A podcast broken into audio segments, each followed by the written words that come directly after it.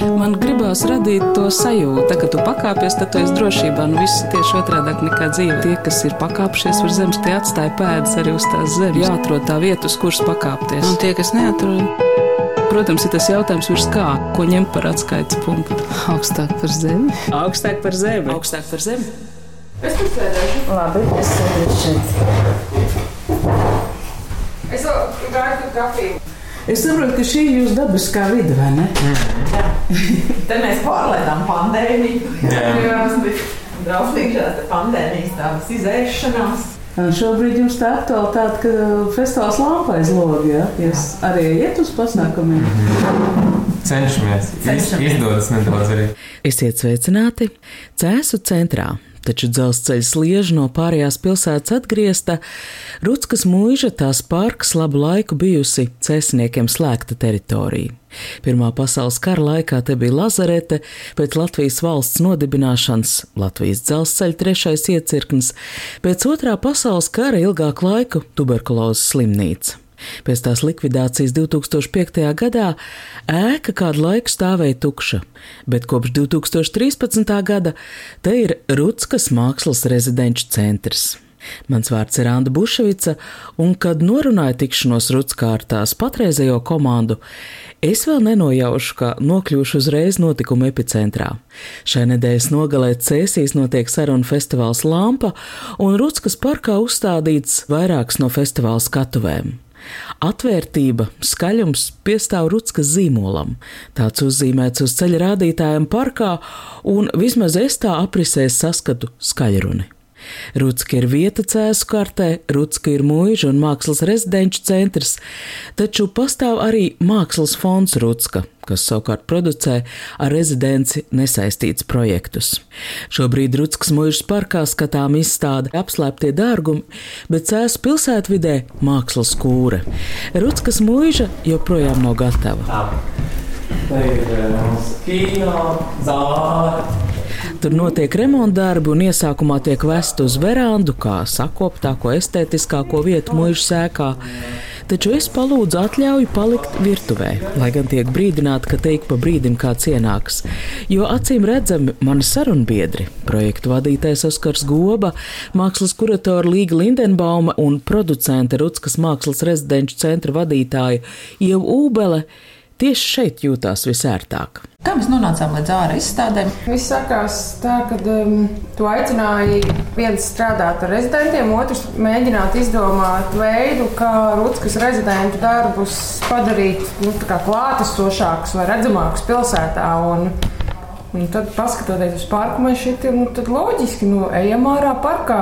Publiskā telpa būs pieejama visu laiku, lai kas arī kāda pandēmija uznāk. Visticamāk, ka cilvēki ārā varēs iet. Un, un aicinājām māksliniekus domāt par parku kā par izstāžu zāli, un beigās visi arī radīja darbus parkam. Es nācu skatīties uz tevis, kurē to izstāda apslēptie dārgumi īsi pēc atvēršanas. Un mans pārsteigums bija, ka cilvēki nāk, te bija pilna parka celiņa ar cilvēkiem, kas lasa uzrakstus, un absolūtais magnēcitās šūpols. Jā, un par tām šūpolēm tas patiesībā sakot, bija ļoti mums veiksmīgs projekts.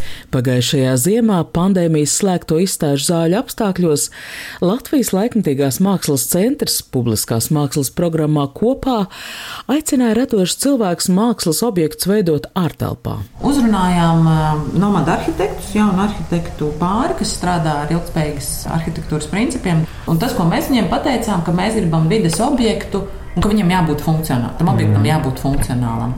Projekts ir beidzies, un objektu tālākais liktenis Rīgā vēl piecās Latvijas pilsētās. Katrā vietā ir savādāks. Rutska savējo objektu ir izvēlējusies paturēt, un šopavasar pie šūpolēm izveidotajās kastēs no jauna tiek sastādīts puķītes. Tur cilvēki taisīja arī pandēmijas laikā. Es redzēju, vairākas reizes dzimšanas dienas svinēja cilvēki. Tā kā, ja nevar būt mājās, tad viņi tiek tur un uz tiem soliņiem ar eh, cepurītēm un, un kūkām eh, svinēt dzimšanas dienu. Jo tāda, nu jā, tāda oāze parka vidū. Jo Rutska labu laiku cēsīs bija tāds, nu, kur ir Rutska. Ja? Un šķiet, ka tagad cēsnieki jau noteikti zina, kur ir Rutska. Nu, zini, Tā nav. Ir kas zina, un ir tādi, kas arī kas atbrauc te kaut ko, nu, vai kāds meistars atbrauc, vai kāds kaut ko atved un saka, tu zini, es visu dzīvi dzīvoju cēsīs un nezināju, ka ir tāda grūtska. Vienkārši tā vieta vienmēr ir bijusi ļoti noslēgta. Nu, mēs jau tagad esam kopš 2013. gada. Bet es domāju, ka tieši šis gads būs tas, kas ir nu, pilnībā pārmainījis, pārrakstījis to, kādā veidā Rutska ir pieejama. Tiešām, kad ir ārkārtīgi daudz cilvēku, mums ir kabinetiem logi iziet tieši uz parku. Nu, tik daudz cilvēku, cik šogad ir gājuši garām, gar logiem. Tā mirklī, ka te ir objekti, Dažni dažādi cilvēki nāk viņus skatīties. Sākās ar šūpolēm, pēc tam apslēgtie dārgumi. Tad mēs kaut kādā brīdī bijām tutas lietās. Mm -hmm. Tas bija arī, kad cilvēki nāca meklēt. Um, Cita veida dārgums. Jā, cita veida dārgums. Jā, nu noteikti arī tas, ka šeit notiek lampa. Vai nav tā, ka lielākā publicitātes kampaņa, diemžēl, jums bija mūžas ugunsgrēks? Kā esat tikuši ar to situāciju galā? Nu, uzbūvējām vēlreiz. Nu, mēs jau paši vairs par to kā, nu, nerunājam, nedomājam. Nu, ir, ir jāiet uz priekšu. Mēs vairāk mm. skatāmies uz to, ko mēs darīsim tālāk. Jo vienmēr būs kaut kādi šķēršļi un kaut kādi negadījumi. Un, nu, tas ir neizbēgami. Mēs dzīvojam tādā neskaidrības laikmetā un jāmācās darīt to, ko tu vari izdarīt, to, ko tu vari ietekmēt. Un, Mums ir plāni, es nezinu, cik gadiem priekšā. Rutskas mākslas rezidenču centru atbalsta valsts kultūra kapitāla fonda mērķprogramma profesionāla nevaldības kultūras organizācija atbalstam, taču pārējo Rutskai jānopelna vai jāpiesaista ar projektiem. Man liekas, ka arī kaut kādā veidā tas pandēmijas gads mums ļoti palīdzēja ar to, ka mēs ārkārtīgi daudz domājām par to, ko mēs gribam darīt. Tajā mirklī, kad mājā cilvēki ir ārkārtīgi grūti pašiem uz kaut ko koncentrēties, jo visu laiku kāds kaut ko nāk, prasa, iedodiet to, parādiet to. Un tas laiks, kad nebija cilvēku, mēs ļoti daudz strādājām tieši uz attīstības lietām. Ko mēs gribam darīt, kas mums pietrūkst, kas mums ir vajadzīgs. Rakstījām ļoti daudz projektu pieteikumus liela daļa apstiprināja, tagad mēs viņus īstenojam un arī redzam, kā no tām lietām, ko mēs jau tagad darām, kā mēs varam kaut ko attīstīt tālāk. Un arī par ko man ir vislielākais prieks, ka mums arī gada laikā ir uzaugusi ļoti spēcīga komanda. Sākumā atnāca Oskars kā projekta vadītājs, Līga mums pievienojās kā viesuratore. Tikko sāk strādāt Liena, vēl viena projekta vadītāja. Mums ir saimniece, kas mums nāk uzkopt, mums ir mm -hmm. puisis, kas mums nāk ar tehniskām lietām palīdzēt. Savādāk to nevar izdarīt. Tās daudzās idejas prasa īstenotājs. Un otra lieta, kas man liekas, ka mēs esam arī sākuši daudz vairāk strādāt. Piemēram, minēts tikko Jānis Čīnes, Cēlus mākslas skolas direktors. Teiksim, ar viņa stāšanos šajā amatā mums pēkšņi ļoti tā attīstījās sadarbība ar mākslas skolu, kas agrāk tā nu, nebija tik izteikti. Piemēram, Jānis ir ļoti daudz vedinājis arī gan mākslas skolas pasniedzējus, gan Tie nākuši audzēkņi, sēdējuši mūžas pagalmā un zīmējuši. Viņiem bija plenērs, tad Cēzus universitātē ir, kā viņi to sauc? Jume. Jume, kas ir ārā mācību dārzs. Kad ir tie partneri, ar kuriem mēs kopā strādājam, kas arī dod pienesumu tajā, kad ir tā sajūta, ka Rūts kā visu laiku kaut kas notiek. Tas tik tiešām tā ir, bet tas ir daudzu cilvēku darbs. Pastāstīsiet, kāda ir jūsu katra pienākuma? Oskar, varbūt par jums. Es nezinu, kā to vispār pastāstīt. Oskars ir cilvēks orķestris. Jā, nu, tā, kad ir rezidents, tad tas ir darbs ar uh, māksliniekiem. Ja mums bija arī fotografa rezidents, priekš izstādes neredzamās dzīves. Es sevi iepazīstināju ar uh, tiem fotografiem, sakot, ka es esmu cilvēks, kas nekad jums neteiks nē. Jo mākslinieks tas kā, viņu radošajā procesā apstādina saknē, un viņi netiek nekur tālāk. Viņiem ir tāds, ah, nu man ir jau pirmā barjera, un, un, un viss tur beidzas. Bet, eh, lai neteiktu nē, tad principā tev ir visu laiku jāsaka, jā, tas nozīmē, ka katru dienu tev atnāk, man vajag to, vai šis ir labi, vai vajag šitā, un viņi tur uh, rāda savas idejas vai kaut ko īstenot, uh, ko viņi vēlas. Rūtskas mākslas rezidenču centram ir mājaslapa tajā diezgan pārskatām var izlasīt, kādi rezidenti šeit viesojušies, kādi projekti bijuši un kādi vēl tikai top. Viens no vērienīgākajiem šķiet nu pat minētais. Projekts Neredzamās dzīves, tas ir tas, pie kā patreizēji rezidenti strādā. Jā, mums bija tagad fotografa rezidents. Tas ir tas radošās Eiropas projekts, kuru mēs īstenojam sadarbībā ar mūsu partneriem Serpijā, Melnkalnē.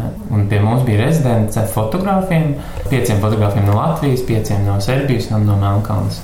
Viņi bija atbraukuši šeit, kopā strādāja ar neredzīgajiem, cēsu Latvijas neredzīgo biedrības biedriem pētīja, iemūžināja to, kā viņš šeit dzīvo un kāda ir tā viņu ikdiena cēsīs un vispār, nu, ko nozīmē būt neredzīgam. Viņi jau ir visi devušies mājās, un šobrīd mēs ar visu to materiālu, ko mēs esam savākuši ar intervijām, fotografijām, iedvesmas stāstiem strādājam pie izstādes, kur kurē līga. Kad tad būs? Mēs plānojam uz oktobra vidu. Esam ieguvuši ļoti jauku norises vietu. Tas ir pašā Rīgas centrā, tirzniecības centrā Origo. Tā kā jā, tas būs mūsu nākamais lielais uh, izstāžu projekts. Mazliet pabrīnos. Vaicāju, kāpēc Rīgā izstāde taču ir par cēsiniekiem? Sākumā Rīgā mēs gribam, lai pēc iespējas vairāk cilvēki uzzina par šo, jo sākotnēji mēs bijām domājuši, ka tas būs par to, kā viņi piedzīvo pilsētu, attiecīgi, ka tur varētu būt zināms elements par grūtībām un tam līdzīgām lietām. Bet, kad fotogrāfs sāk strādāt ar tiem neredzīgiem, grūtības vispār kā lieta neparādījās tajā procesā, un tas kļuva par tādu iedvesmu par to, kā, kā vienkārši dzīvot pilnvērtīgu dzīvi. Nav jau tā, ka viņi nenonāks cēsīs, tā ir ceļojošā izstāde, mēs viņu aizbīsim arī uz Melnkalnu un Serbiju pie mūsu partneriem un viņi pēc tam atgriezīsies cēsīs. Izstāde Rīgā būs veidota tā, ka viņi ir pielāgota vairedzīgiem cilvēkiem, neredzīgiem cilvēkiem. Mēs viņu arī jau veidosim kā tādu paraugu, kā mākslas institūcijas var strādāt ar šo mākslas pieejamību. Pastāstiet par patreiz Rutskas parkā redzamo izstādi par tiem apslēptajiem dārgumiem. Apslēptus dārgumus radīja pavasara rezidences mākslinieki. Kā jau jūs stāstījāt, tas bija divas mākslinieku grupas Katra dzīvoja mēnesi šeit, Rutskā. Un tas nosaukums, apslēptie dārgumi, tas radās eh, darba procesā. No vienas puses, domājot par Rutsku un Rutsku, Rutskas mūžu un parku, jo, kā jau Ieva un Oskars liekas, minēja, ka joprojām daudziem eh, Rutska nu, līdz šim brīdim bija tāds nu, nezināmais eh, lielums. Un tāpēc es arī tā nodomāju, ka Reka Ruska pati par sevi ir kā tāds apslēgtais dārgums, kas ir pilsētas gandrīz pašā sirdī, pašā centrā, bet nu, cilvēki par viņu nezina. Otrs moments eh, bija tas, ka mākslinieki savus darbus arī veidoja kā tādas mazas saliņas, kas ir izkaisītas parkā. Un šie darbi bieži vien runāja par kaut kādiem tādiem nu, vairākiem līmeņiem, ko tu vari ieraudzīt, ko tu nevari ieraudzīt. Eh, šķiet, ka tas apslēpto dārgumu metāfora nosaukums ir, ir ārkārtīgi piemērots tam, kas parkā tiek veidots. Arī šie darbi viņi ir, jā, viņi ir pa visu parku, un principā skatītājiem ir jāiet un, un šie darbi jāmeklē. Man ir aizdoms, ka es pat visus neesmu atradis. Tā var būt. Tā var būt. Man pēcgaršā mīļākais objekts bija Rutskas parka pārdēvēšana par Sērenu Kirkegoru parku.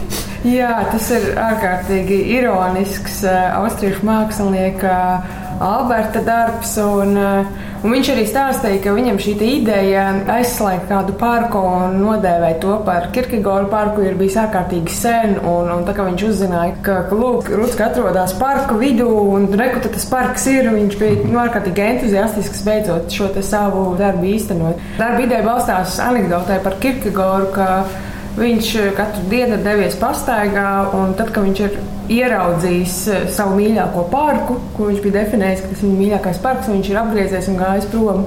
Jo doma ir tāda, ka kamēr tas parks ir viņa iztēlē, tikmēr tas ir ideālais parks. Ja viņš tur nokļūst, tad viņš sastopas ar realitāti. Mēs uz šo vienu dienu, pāris stundām, kad uh, Alberts tiešām bija nobloķējis parka ieejas, mēs šo parku bijām, varētu teikt, nodēvējuši par Kirkegoru parku un, un padarījuši viņu par šo ideālo parku.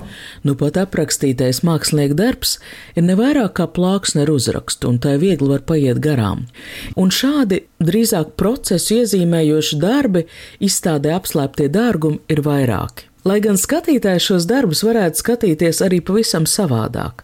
Nu, piemēram, šovasar Rīgā galerijā Alma notika Vikas ekstas izstāde Zvaigznīte. Zvaigznīte ir zirga, kas ir mākslinieces fotografijās vārds. Izstāde ir beigusies, bet Ieinteresēts jau notikušās izstādes skatītājs var braukt uz Rutsku, uzmeklēt zvaigznītes portretu, kas šeit izstādīts apslēpto dārgumu izstādes kontekstā, un arī aplūkot vietu, kur fotografijas tappa. Viņa šeit izmantoja fotolaboratoriju, kas ir arī viena no, varētu teikt, Rutskas arī tādām firmas zīmēm, ka šeit ir šī analogā laboratorija, ko fotografija ir iemīļojuši savu darbu veidošanā, un, un Ika šeit bija lai šo laboratoriju izmantotu un radītu savus darbus. Fotolaboratorijas iespējas izmantoja vēl kāda apslēpto dārgumu darba autore. Manā sajūtā Šarlotas Tomes darbs ir viens no spēcīgākajiem darbiem izstādes kontekstā, lai gan varbūt tam vienkārši ir paveicies ar izstādīšanas vietu.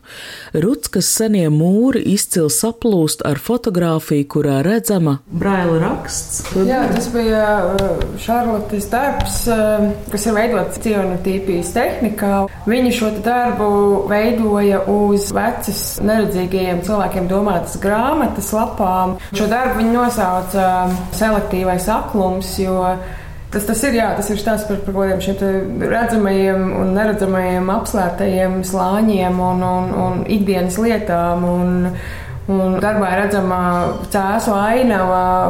Tieši tik jautājumu ietilpīgs ir šis mākslas darbs. Kā pasauli caur brāli rakstu iepazīst vairedzīgais, kas ir redzamais, kas ir neredzamais, vai redzīgais pamana, kā mainījusies cēsu ainava. Un tikpat labi tas varētu būt arī jautājums par klimatu pārmaiņām, par to, kā gadsimta laikā ir mainījusies ainava. Cīna tīpī tas ir kaut kas, kas jūs analogijā. Mm -hmm, jā, tas ir. Uh ar speciālu ķīmiju, starpniecību, apstrādā papīru, un tad viņš kļūst eh, uz gaismu jūtīgs. Un tad eh, nu, izgaismojas tā ainava. Nu, Šādos gadījumā tā ir ainava. Mēs arī taisījām iekšēji, tāpēc, kad bija pandēmija, mēs nevarējām taisīt eh, meistarklases, ko mēs būtu noteikti darījuši ar bērniem un pieaugušajiem. Bet tad mēs taisījām meistarklases pašiem rezidentiem, rezidencē esošajiem. Un daudziem tas arī bija tāds pārsteigums, wow, apstrādāt to papīru, uzliekot kaut kādus objektus, tu vari taisīt eh, skaistas mazas eh, mākslas darbus. Es vienkārši domāju, ka jūs taču dokumentējat cēsis šobrīd, ka tas arī ir jūsu pienesums. Gan šīs neredzamās dzīves, kas ir par ļoti konkrētiem cilvēkiem. Itāļu, vācu, grūti saprast, visi tagad dzīvo eh, visā pasaulē. Mākslinieci viņa savukārt viņa ļoti gribēja strādāt ar arhīvu, bet arhīvu nevarēja iet. Mums noveicās, ka mums ir vienkārši savs arhīvu materiāls no laikiem, kad bija tuberkulozes slimnīca. Tad viņa šajā mājā? Jā, oh. tad viņi izmantoja to materiālu, fotografijas ar darbiniekiem. Ir tāds dēlis, mūsu labākie darbinieki. Viņi ņēma šo materiālu un viņi taisīja papīra tehnikā tos murāļus, kas tagad ir uz uh, Rutskas sienām.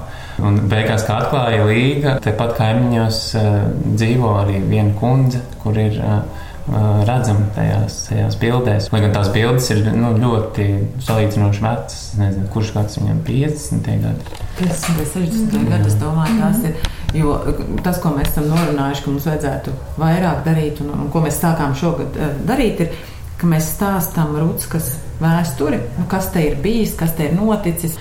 Mums ir viens iesākts projekts par to, kā uzstādīt plāksnes gan pie ieejas parkā, kur mēs stāstām par to, kas ir Rutskas parks, kas ir Rutskas mūža un kāda ir vēsture, kas te laika gaitā ir bijis.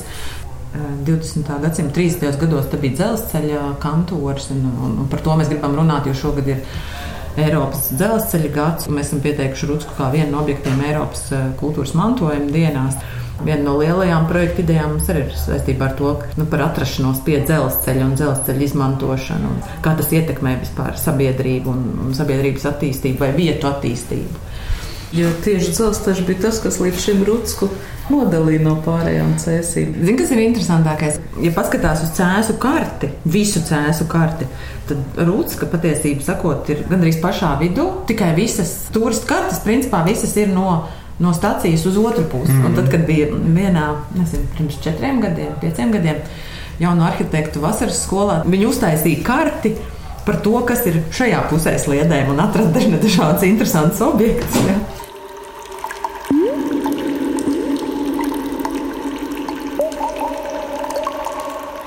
Mākslas skūra, desmit objekti cēsu pilsētvidē, izstaigājama ar telefonu atverams kartes palīdzību, ir vēl viens Līgas Lindenbaumas un Rutskas mākslas fonda organizēts projekts.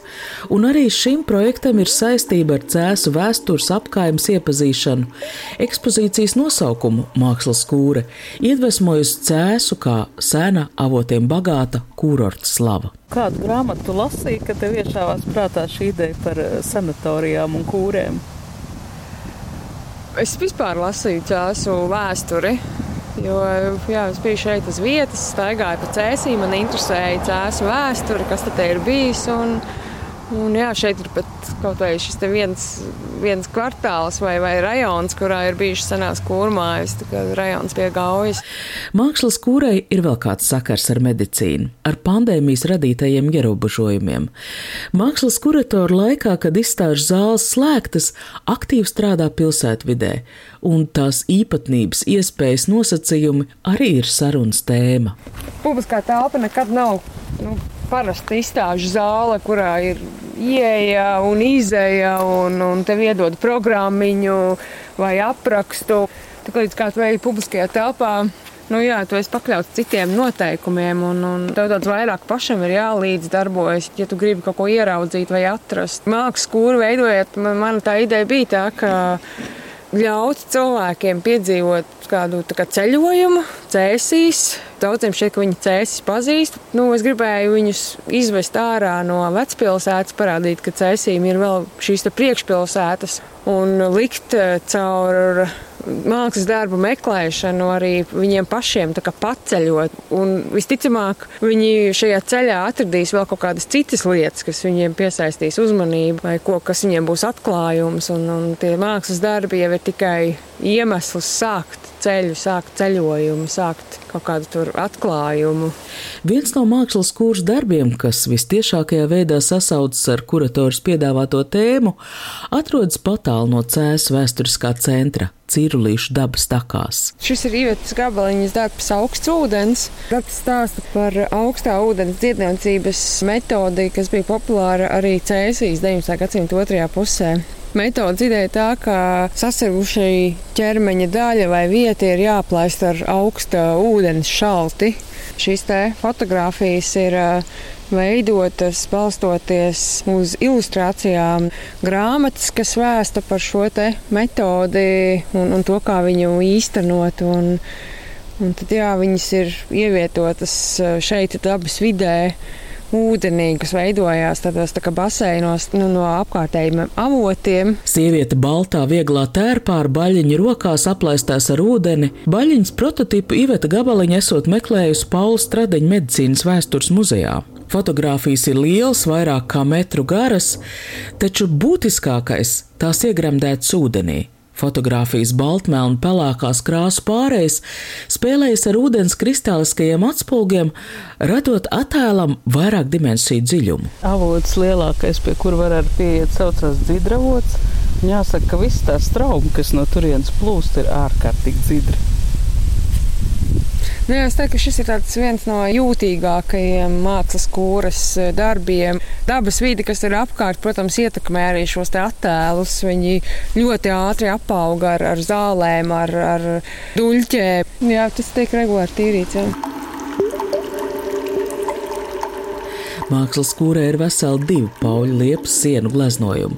Viens neliels piebalgs ielā, taču šis uzvaras bulvārī ir pa visu mājas sienu. Veidojot šo sienu gleznojumu, tur bija um, divas tās centrālās uh, domas. Viena bija tā, ka gribējās radīt mākslas darbu, kas paliktu pilsētā arī pēc mākslas kūras beigām.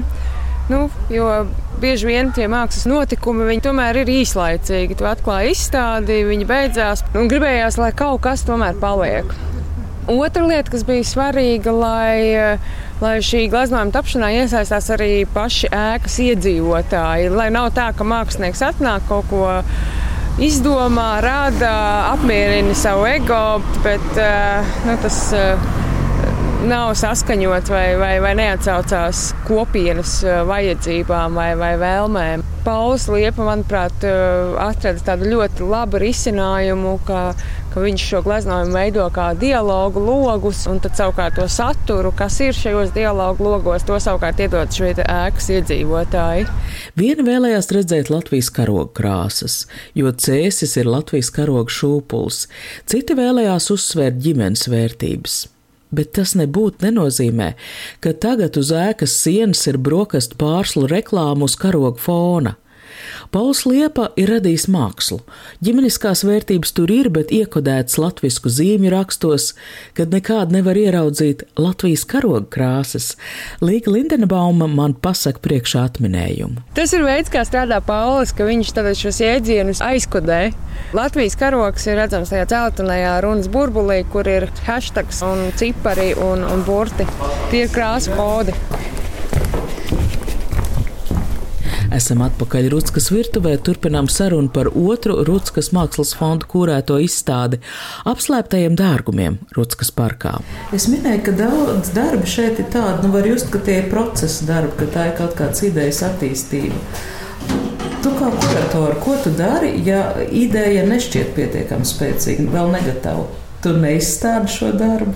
Parkā ir izstādīti visi darbi, pie kuriem mākslinieki strādāja, bet nu, es teiktu, ka tas ir arī tas kuratoru uzdevums ar šiem māksliniekiem runāties un strādāt ar viņiem un kopā ar viņiem eh, attīstīt mākslas darba ideju.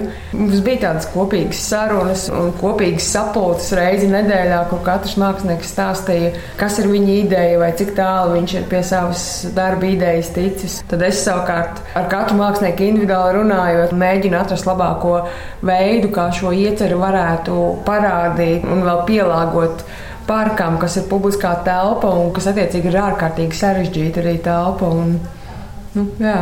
Izstāsta, ka jums būs kaut kas līdzīgs kā pedvālē, ka tie darbi uzslāņojas viens otram. Un tad ir jautājums, vai švakākie apmirs, vai mērķis ir saglabāt visu. Nu, kas notiks ar šiem apslēptiem dārgumiem pēc septembra? Lielāko daļu darbu mēs tomēr eh, demontēsim, jo tomēr liela daļa nav piemērota eh, ilgstošai atrašanās nu, ārtelpā. Galu galā arī nāks ziema, bet es pieņemu, ka par atsevišķiem darbiem mēs varētu padomāt. Nu, viņus varētu arī atstāt, bet eh, nu, tie varētu būt pavisam nedaudz darbi. Jāskatās tās. Tur tiešām ir, jo tas, ko mēs aizmirstam, kad būs ziema. Mm. un tad viss ir savādāk. Kārlim Johansonam veltītie darbi paliks. Jā, un kas ir īpatnēji, jo mums šo tehniku ierādīja pirms diviem gadiem. Pie mums bija viens brazīļu mākslinieks, un viņš bija pirmais, kas sāka līmēt. Tas ir papīrs, un viņš vienkārši ņēma lielu tādu arī viņam bija deportācijas tēmai veltīts darbs. Un viņš līmēja ar cukuru un līmi. Pilnīgi vienmēr sakot, dabiski, jo mums ir vēsturisks sēkas, un mēs skatāmies, lai tie būtu dabiski materiāli. Mēs neticējām, ka viņi tur stāvēs. Viņi turējās visu ziemu, nekas nenotika. Tā kā Kārlis Johansons tur arī droši vien arī ziemā skatīsies uz mums. Un, Jā. Jo Kārļa Johansona personība atrada jau mazliet senākās izstādēs. Nu, viņš no mhm. zināmas aizmirstības tika izcelts. Bet man liekas ļoti būtiski, ka viņš ir tieši šeit cēsīs. Mm. Patiesībā tā bija pilnīga nejaušība, jo Kārļa Johansona portretu veidoja Laura, itāļu vācu māksliniece. Eh, es viņai biju iedavusi grāmatu vizionārās struktūras, kas bija izstādes katalogs, eh, kur principā Johansona darbi pirmo reizi tika tā tiešām prezentēti nu, kā nozīmīgs, varētu teikt, Latvijas arī kultūra vēstures un mākslas mantojums. Laura nejauši bija ieraudzījusi, ka Kārlis Johansons ir dzimis cēsīs, un tad izdomās, o, oh, interesanti, jāpaskatās, ko šis mākslinieks ir darījis. Un tad viņi burtiski aizrāvās ar Johansonu, ar viņa teorētiskajiem tekstiem, viņa tēlniecības darbiem, un viņi gribēja izveidot kādu objektu, iedvesmojoties no Johansona struktūrām. Viņiem vienkārši nepietika laika, lai kaut kādā veidā tomēr atdot godu Johansonam un atzīmētu viņu, un, un arī aicinātu par viņu interesēties gan vietējos cēsu iedzīvotājus, gan arī citus māksliniekus. Viņi, viņi izveidoja šo Johansona portretu uz Rutskas vienas no saimniecības ēkām. Un es teiktu, ka tur sākās tas tālākais pingpongs, jo nākamajā rezidencē pie mums eh, bija rezidencē mākslinieca Ieva Saulīte, tēlniece. Viņa savukārt, eh, iedvesmojoties no Johansona teorētiskajiem tekstiem par to, ka ir dažādi veidi konstrukcijas, tur eh, noderīgas konstrukcijas un vienkārši tur nu, nevajadzīgas, tur estētiskas konstrukcijas, viņa, viņa izveidoja savu tēlniecības darbu. Jā, un viņš ir dzīvojis Piebalgas ielā. Tas arī likās tā, nu, tiešām maģiski, ka viss satek kopā.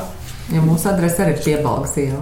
Pagājušā gadsimta sākuma aizmirstā mākslinieka, cēsinieka Kārļa Johansona iedvesmotais Ievas Saulītes veidotais objekts apskatāms pilsētvidas ekspozīcijā Mākslas kūra. Ekspozīcija Mākslas kūra vēl līdz 10. oktobrim, brīvdabas izstāde apslēptie dārgumi Rutskas parkā līdz 30. septembrim, ar Ievu Ūbeli, Oskaru Gobu, Līgu Lindenbaumu šai raidījumā sarunājās Anda Buševica, skaņoperators Valds Raitums. Tiekamies Rutskā! Tā kā tu pakāpies, tad tu esi drošībā. Nu, viss ir tieši otrādi nekā dzīve. Tas ir tā spēle, jā. Tie, kas ir pakāpšies virs zemes, tie atstāja pēdas arī uz tās zemes. Protams, ir tas jautājums, ko ņemt par atskaites punktu. Nē, nu, principā ir skaidrs, augstāk par zemi. Jāatrod tā vieta, uz kuras pakāpties. Augstāk par zemi. Augstāk par zemi. Augstāk par zemi.